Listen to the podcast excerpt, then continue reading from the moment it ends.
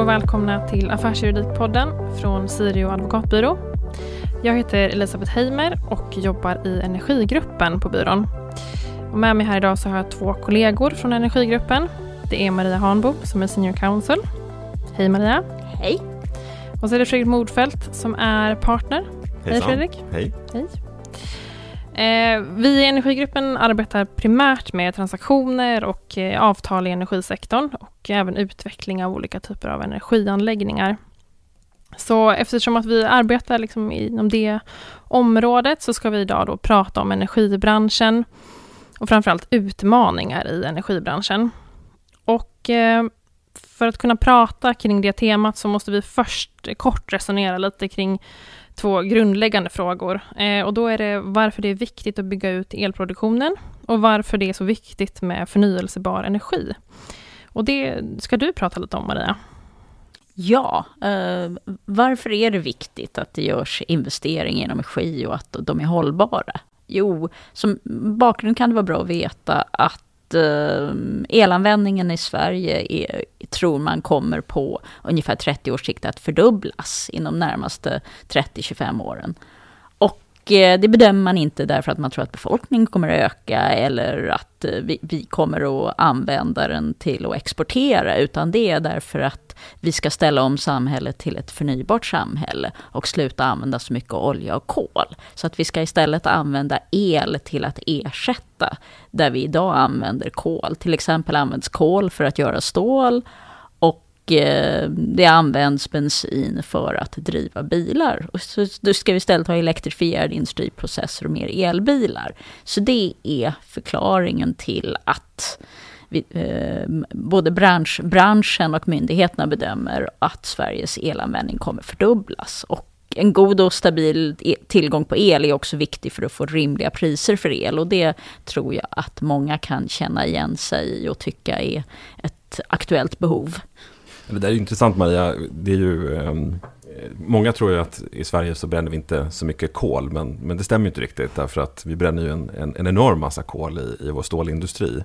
Eh, och där pågår ju initiativ för att elektrifiera den också. Det skulle naturligtvis göra jättemycket för Sveriges eh, klimatavtryck. Nu är det inte riktigt det vi ska prata om idag. Men eh, det är väl ämne för en, för en ytterligare podcast längre fram kanske.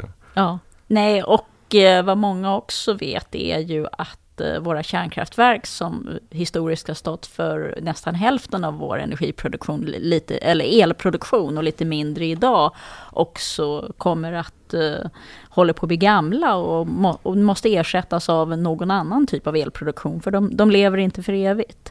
Och mm. vi, vi har, delar väl också branschens perspektiv i det här rummet, att uh, kra, olika kraftkällor och energislag kompletterar varandra. Vi kommer att prata om vindkraft, landbaserat och havsbaserat. Vi kommer att prata om kärnkraft, sol, vind och vatten. På Sirio jobbar vi ju väldigt mycket med de förnybara energislagen och med det menar vi så, sånt som sol och vind, alltså att själva kraftkällan ständigt förnyas, kommer nya vindar, nya soliga dagar. Och men vi kommer också prata om att de är fossilfria kraftslag och till de fossilfria kraftslagen så räknas också kärnkraften. Så det kan vara mm. bra att känna till. Och där har ju Sverige just gått över från ett förnybarhetsmål till ett fossilfrihetsmål. Det är väl eh, framför allt eh, motiverat av den politiska strategi som verkar finnas idag som också går ut på att man ska faktiskt bygga ut den kärnkraft som vi har. Eh, och där jag vet att eh, Vattenfall väl har fått en instruktion av regeringen att faktiskt utreda det. Så det, det är någonting som vi följer med intresse. Mm. Ja, nej och det återspeglas ju också en del av en europeisk debatt med olika inställningar de olika länderna. Hur pass kärnkraftspositiv man är. Med en stor skiljelinje kanske mellan Tyskland och Frankrike. Det, det verkar så. det har jag läst i tidningen. Yes. Eh, om vi, vi jobbar ju liksom med det här hela dagarna och ser att det finns en massa utmaningar i branschen. Eh, och vi ska prata om, om, några av dem och de största och de som kanske vi kommer i kontakt med mest och som våra klienter kommer i kontakt med. Eh, till exempel så är det ju väldigt långa handläggningstider för att få ett miljötillstånd för flera olika kraftslag. Eh, och Fredrik, det här har ju du liksom stött på jättemånga gånger, så kan inte du berätta lite om om vad det innebär. Vad är det för typ av utmaning man ställs inför? Ja, men det är ju just det att det tar väldigt lång tid. Det kom en rapport ifrån Vindkraftföreningen förra året som hade tittat på hur lång tid det i genomsnitt tog att få ett tillstånd för en vindkraftpark eh, året innan, så eh, 2021. Eh, eh, och då var den genomsnittliga ledtiden från det att man hade en miljökonsekvensbeskrivning som man skulle kunna säga är det första steget i, i, i eh, miljötillståndsprocessen och till det att ett tillstånd hade vunnit laga kraft. Då var det tre år. Då får man ju komma ihåg att det är genomsnittstiden. Något, någon park kan ju ha, ha gått betydligt fortare men det betyder också att några har tagit betydligt längre tid. Eh, tre år är ju liksom ganska så lång tid eh, för att driva en process. Och sen är det ju så att liksom, det innebär ju att ledtiden för att bygga någonting är ännu längre. Från det att man börjar planera och eh, gör alla de utredningarna som behövs och till det att man faktiskt kan sätta spader i marken och börja bygga någonting. Eh, så pratar vi ju liksom om ledtider som börjar närma sig decennier. Eh, och det är ju liksom, det är otroligt utmanande och det är ganska resursineffektivt och det gör ju att det blir svårt för Sverige att klara sina eh, elektrifieringsmål eh, om vi inte bygger ut eh, elsystemet i, i, i, en snabbare takt. Och där är miljötillståndsprocesserna eh, en viktig pusselbit. Eh, och då kan man ju fråga sig vad beror det här på? Eh, och det kanske vi inte har liksom hela svaret på, men, men man kan väl säga att mycket av den här tiden, då, mycket av de här tre åren, gå, är liksom ren väntetid. Mål ligger på hög hos domstolarna, det händer ingenting. Eh, och det beror ju i sin tur då naturligtvis på att det finns resursbrist hos domstolarna. Det finns ingen som har tid att handlägga ärendet. Eh, och det går väl att lösa egentligen på lite olika sätt. Eh, ett sätt är säkert att tillskjuta domstolarna mer pengar så att de har eh, resurser, alltså personella liksom, resurser att handlägga ärenden.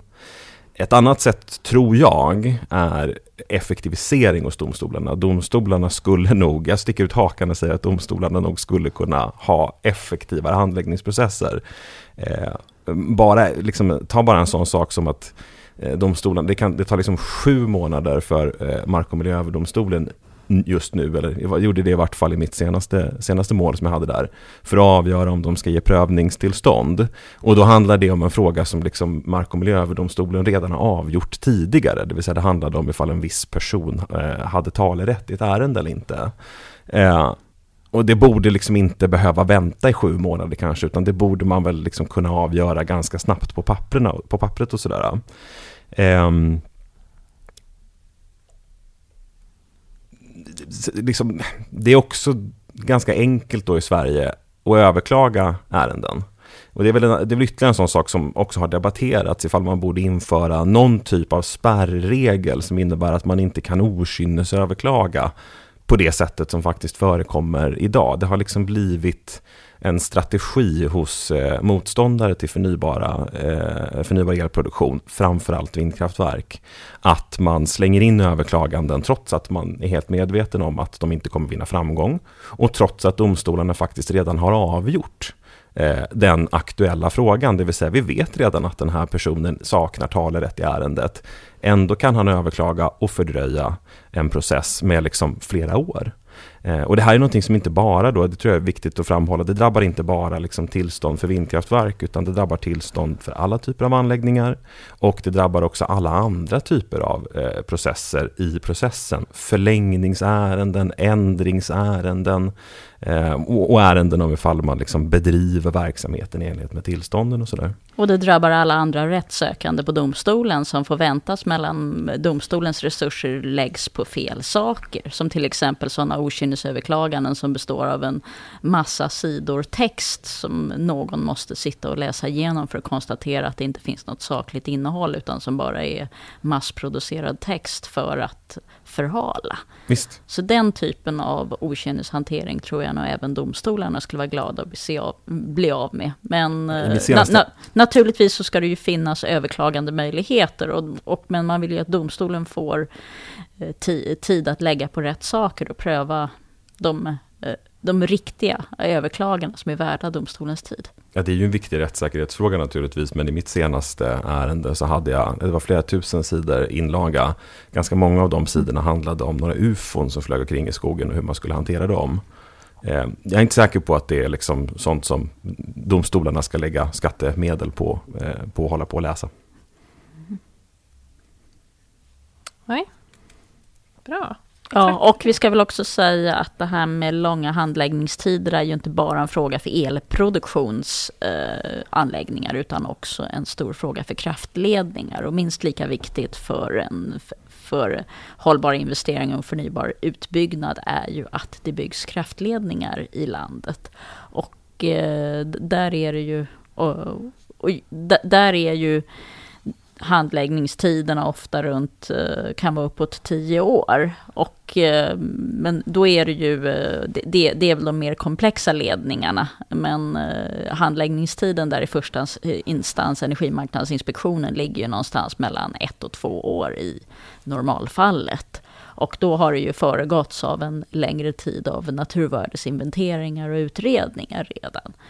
Så att, och den problemet för den som vill bygga en energiproduktionsanläggning är ju att den utredningen av kraftledningen ofta ligger efter i tiden. Att eh, man söker om en kraftledning först efter att man fått en produktionsanläggning. För det är olika parter som söker. Elproducenten är den ena parten och nätägaren är den andra parten. Så det kan också göra att den tillståndstiden för att få bygga en anläggning hinner löpa ut innan det finns en beslut om en kraftledning. Så det vore, tycker jag vore intressant om det gick att samordna i högre utsträckning än vad det är idag. Mm. Absolut. Men sen så kan man väl säga att långa handläggningstider är ju inte den enda utmaningen man har i energibranschen. Det finns ju också utmaningar med att faktiskt få ett eh, till, att beviljas ett tillstånd för, för just landbaserad vindkraft, men också för alla andra kraftslag såklart. Eh, och ett, eh, en av de utmaningarna är ju det kommunala vetot, som har varit ganska omdebatterat eh, på senare tid. Alltså det vill säga att en, en kommun kan motsätta sig en vindkraftsetablering i kommunen och att det, det nekandet liksom kommer väldigt sent i processen. Ehm, och just alltså 2021 så var det bara 22 procent av alla ansökningar som fick tillstånd.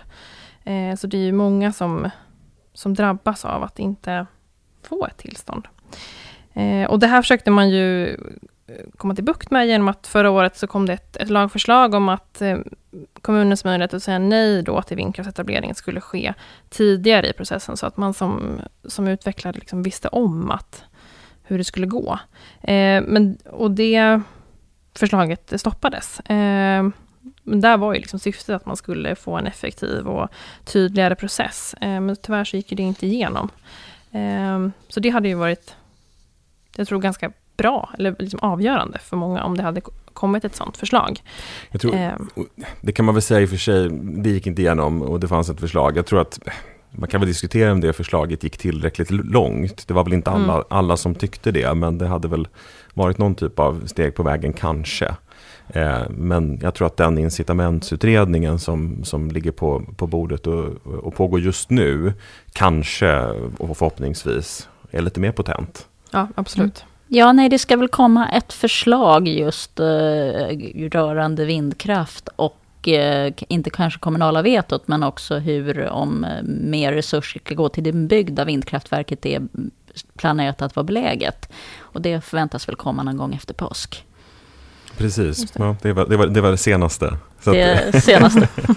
Ja, nej, det, nej och, själv, och sen så är det ju självklart så att alla energiproduktionsanläggningar inte ska tillstånds, ges tillstånd överallt, utan det finns platser där det är väldigt olämpligt att lägga dem. Och det kan ju bero på försvaret, eller det kan bero på att eh, marken är värdefull för andra intressen. Men det jag tror framförallt är viktigt är ju att Eh, det är bra att få en tidig kännedom så att man istället kan eh, inte lägga ner en massa resurser på att utvärdera den platsen. För det, det, det, det kostar en del pengar att eh, utvärdera en plats och göra naturvärdesinventeringar och eh, övriga undersökningar för en plats är lämplig. Så då är det ju bättre att lägga de resurserna om eh, inte göra det på utsiktslösa platser. Mm. Nej men det där har man ju, du är inne på det Maria, med Försvarsmakten och de säger ju inte sällan nej eh, till utbyggnad. Det har ju varit en, en utmaning för anläggningar på land och eh, nu på sistone också en utmaning för eh, de som planerar för havsbaserad eh, vindkraft, vilket, vilket är liksom ganska populärt då har öppnats upp lite här på, på sistone då. Eh, eh och det blir ju ett problem. Eh, därför att det finns av lätt insedda skäl liksom egentligen ingen insyn i Försvarsmaktens verksamhet. Det är svårt för den som utvecklar en anläggning att veta var Försvarsmakten, och det ska väl inte veta, var Försvarsmakten har sina anläggningar och strategiska intressen och sådär. Eh, Försvarsmakten har säkert goda grunder också när de, när de säger nej, får man anta. Samtidigt så är det ju viktigt att även Försvarsmakten, eh, när de prövar eh, den här typen av anläggningar, överväger om det finns någonting som de kan göra för att, så att säga, ändra sin verksamhet så att den möjliggör eh, eh den utbyggnad som vi så väl behöver av, eh, av förnybar energi. Det var ju också i nyheten att de hade haft ehm, eh, synpunkter på, jag tror att det var Hybrits testanläggning eh, i Norrland. Eh, Hybrid är, är ju ett projekt för att, eh, för att utvinna fossilfritt stål då, eller grönt stål. Där hade man haft eh, synpunkter, jag tror att de hade en för hög skorsten eller hur det var. Eh, och det är klart att liksom, om vi inte kan bygga de här anläggningarna, om, vi inte kan bygga, om hybrid, hybrid inte kan bygga sin testanläggning och det inte går att bygga eh, vindkraft på land eller, eller, eller i havet, eh, ja, då, liksom får vi, då får vi en utmaning att klara vår eh, energiförsörjning.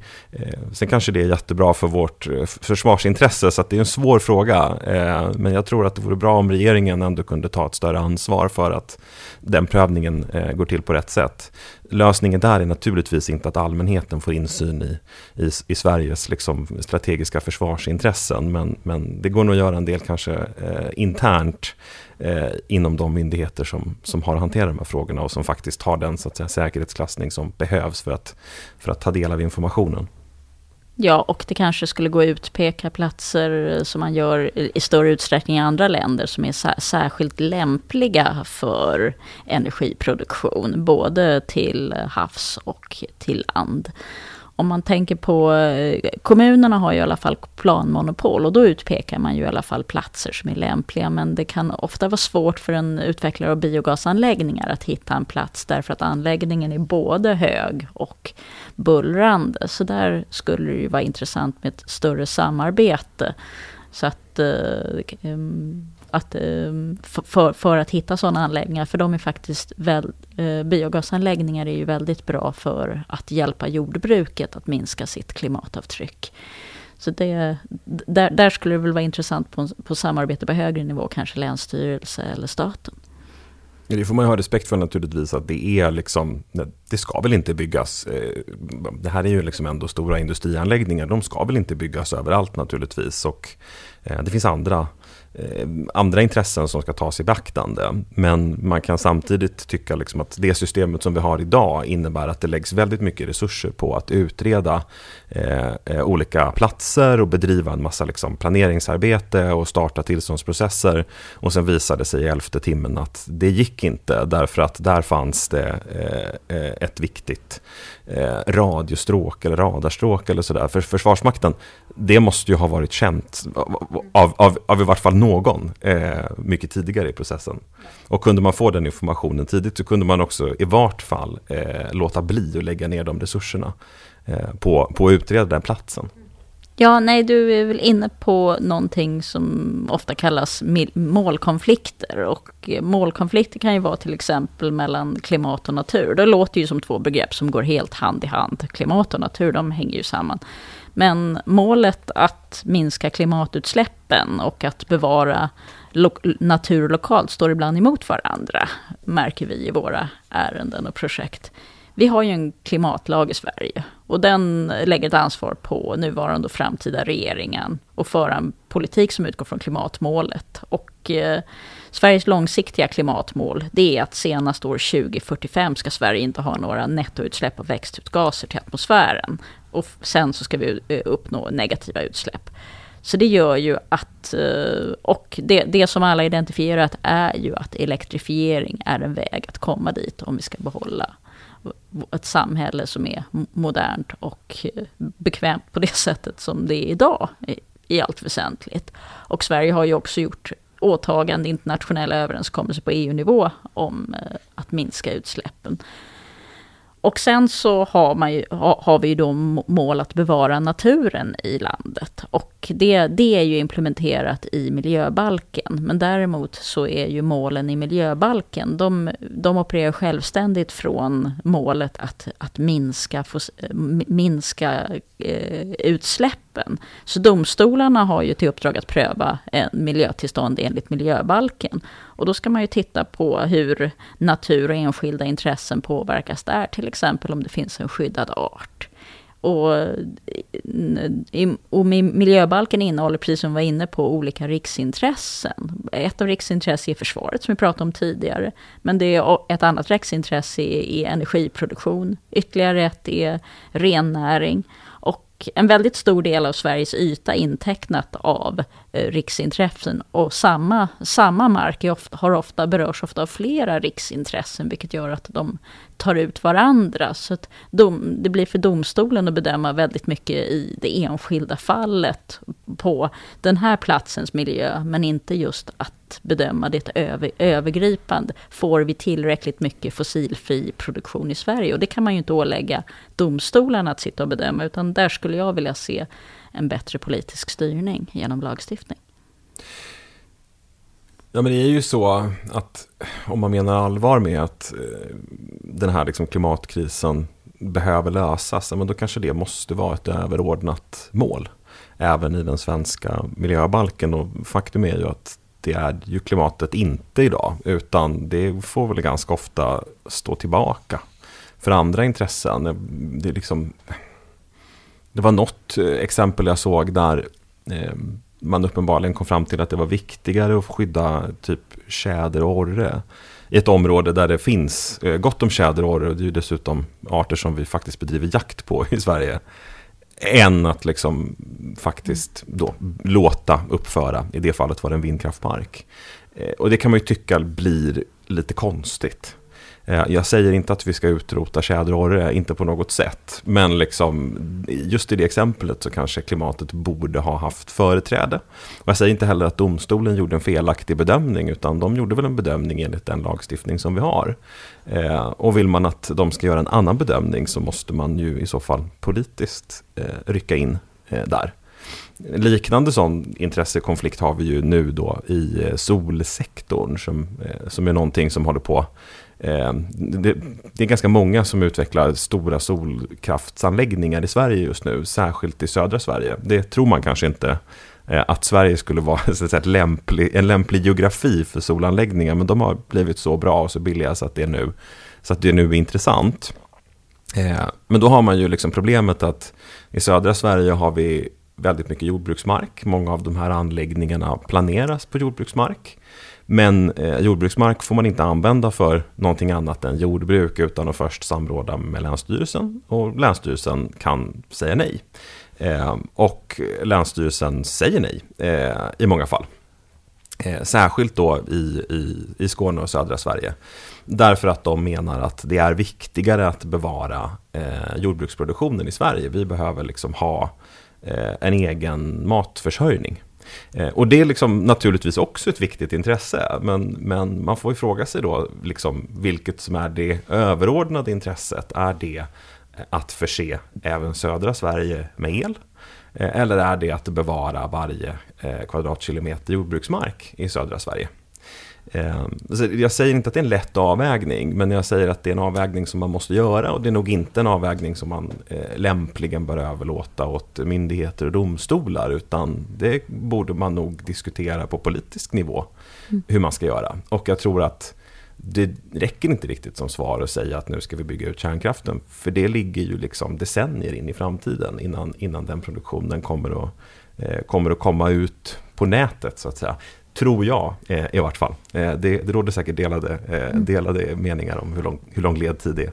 Det är nog många av våra klienter och branschen som håller med dig om de, den prognosen. Precis som att det är många som säger att den, det kraftslag som snabbast kan byggas ut är vindkraften. och ja, och möjligen också solparker. Men just den här, du pratar om politiken och att det är liksom deras uppdrag att, att liksom hantera målkonflikterna. Eh, det leder oss liksom in på vår sista spaning och utmaningar. Det är just den politiska stabiliteten, att eh, vi idag har ingen riktig så här, energipolitisk överenskommelse i Sverige. Så det blir liksom ett, ett ryckigt system när man byter ut eh, regeringar var fjärde år, att det en har ett mål och en annan har ett annat mål. Eh, och det kan man väl, ett tydligt exempel var väl vad som hände vid det senaste regeringsskiftet, när man ändrade, man tog, stoppade helt enkelt stödsystemet för att eh, bygga ut elanslutningar till havs. Eh, så det är då eh, ett väldigt tydligt exempel på när vi liksom har politisk instabilitet. Eh, och det här är ju också en fråga som inte bara är, är nationell, utan vi pratar även om, eh, om att vi påverkas av, av EU-rätten. Eh, vad, vad säger du om det, Maria? Ja, eh, det, det, är ju en eh, utveckling att allt mer av juridiken som reglerar det här området kommer från EU. Det kommer direkt tillämpliga EU-förordningar och det kommer direkt tillämpliga direktiv.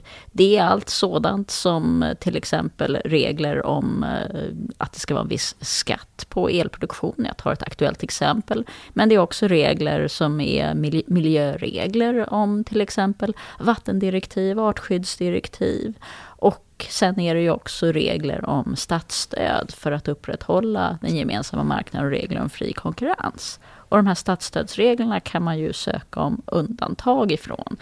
Det hade till exempel Sverige länge för um, elcertifikatsystemet som var ett stödsystem för att bygga ut förnybar vindkraft, eller är ska jag säga, men är under avveckling. Men det, det, det, blir också en ryckighet till exempel, som tidigare i januari kom det ju en dom från EUs eh, tribunal, eh, första instansrätten, om att ogiltigförklara EU-kommissionens beslut att låta Sverige skattebefria biogas och biogasol. Och det har ju länge varit skattebefriat och subventionerat just därför att gynna utbyggnaden. Men det, där råder ju en stor osäkerhet i den branschen nu sen Skatteverket tidigare den här månaden beslutade att inte längre bevilja avdrag och återbetalning. Och det berör cirka 700 företag och förra året så rörde det sig om 1,5 miljarder kronor. Så det är en väldigt stor osäkerhet och gör det väldigt oförutsägbart. Så man ska ju alltid tänka på energianläggningar som att det är en planeringshorisont på 20-30 år. Så att eh, just den här förutsägbarheten i reglerna, och det gör det mer komplext att både ha internationella och nationella regler. Mm. Det som du säger Maria om vattenrätten, alltså vi har ju då Ehm, man har ju inlett en process för att implementera eh, det här vattendirektivet eller vad det heter. Eh, det handlar ju då om att man ska ompröva all svensk vattenkraft och så har man tagit fram ett system för det som heter nationella planen. Och sen eh, har ju den nuvarande regeringen då stoppat den nationella planen. Det är ju ett sådant exempel. Och sen, eh, i vart fall pausat planen kanske, kanske är ett mer eh, adekvat uttryck. Och som du säger Elisabeth, att vi har liksom Eh, vi hade då ett liksom ganska långt framskridet förslag om ett stödsystem för, eh, för kablar eh, för anslutning av eh, vindkraft offshore. Eh, det skrotades över en natt. Istället så har man nu då ett eh, politiskt initiativ som i stor utsträckning går ut på att bygga ut kärnkraften. Och liksom utan att säga någonting om vad som är rätt eller fel eller vad man ska eller inte ska göra så det är klart att det blir ett stort problem, ser vi, för våra klienter som ska investera i Sverige eh, när det är så ryckigt, när förutsättningarna kan ändras över en natt. Mm. Eh, och där tror jag liksom ändå eh, objektivt sett att Sverige skulle må bra av någon typ av energipolitisk överenskommelse där eh, det fanns stabilitet. Därför att jag tror att Eh, det är väl en sak att man tycker att man har liksom den bästa politiska lösningen. Eh, och det kommer väl alla tycka. Men eh, även en lite sämre politisk lösning som faktiskt varar över liksom en längre tid. Som du säger Maria, investeringshorisonterna här är 20-30 år. är nog faktiskt bättre än att vi har det perfekta systemet i fyra år och sen har vi ett annat perfekt system i fyra år och sen går vi tillbaka till det första systemet eh, under fyra år Mm. varje gång vi byter regering. Mm. Nej, till exempel, och det påverkar även företag som inte har energianläggning utan bara förbrukar energi. Som variationen i reduktionsplikten gör det ju väldigt svårt att bestämma vilken typ av företag eller vilken typ av fordonsflotta ska du investera i om du bara har behov av ett distributionsnät. Eller för den delen bara ska upphandla en sån tjänst. Så att det är ju eh, och det för väl oss till ett område som vi inte riktigt hinner med idag, som är väldigt påverkande för energiområdet. Och det är ju stöd och skatter. Det är ju också väldigt intressant och skulle förmodligen kunna vara ett, en egen podd någon gång i framtiden. Vi har minst två eh, uppföljningspoddar på den här podden. Det var vad vi hade tänkt att prata eller ja, ja, det var vad vi tänkte prata om idag helt enkelt. Eh, nu är vår tid här slut, så vi ska avrunda. Eh, tack Maria och Fredrik för att ni ville vara här med mig och prata om det här idag. Eh, och tack till alla som har lyssnat. Tack så mycket. Tack så mycket.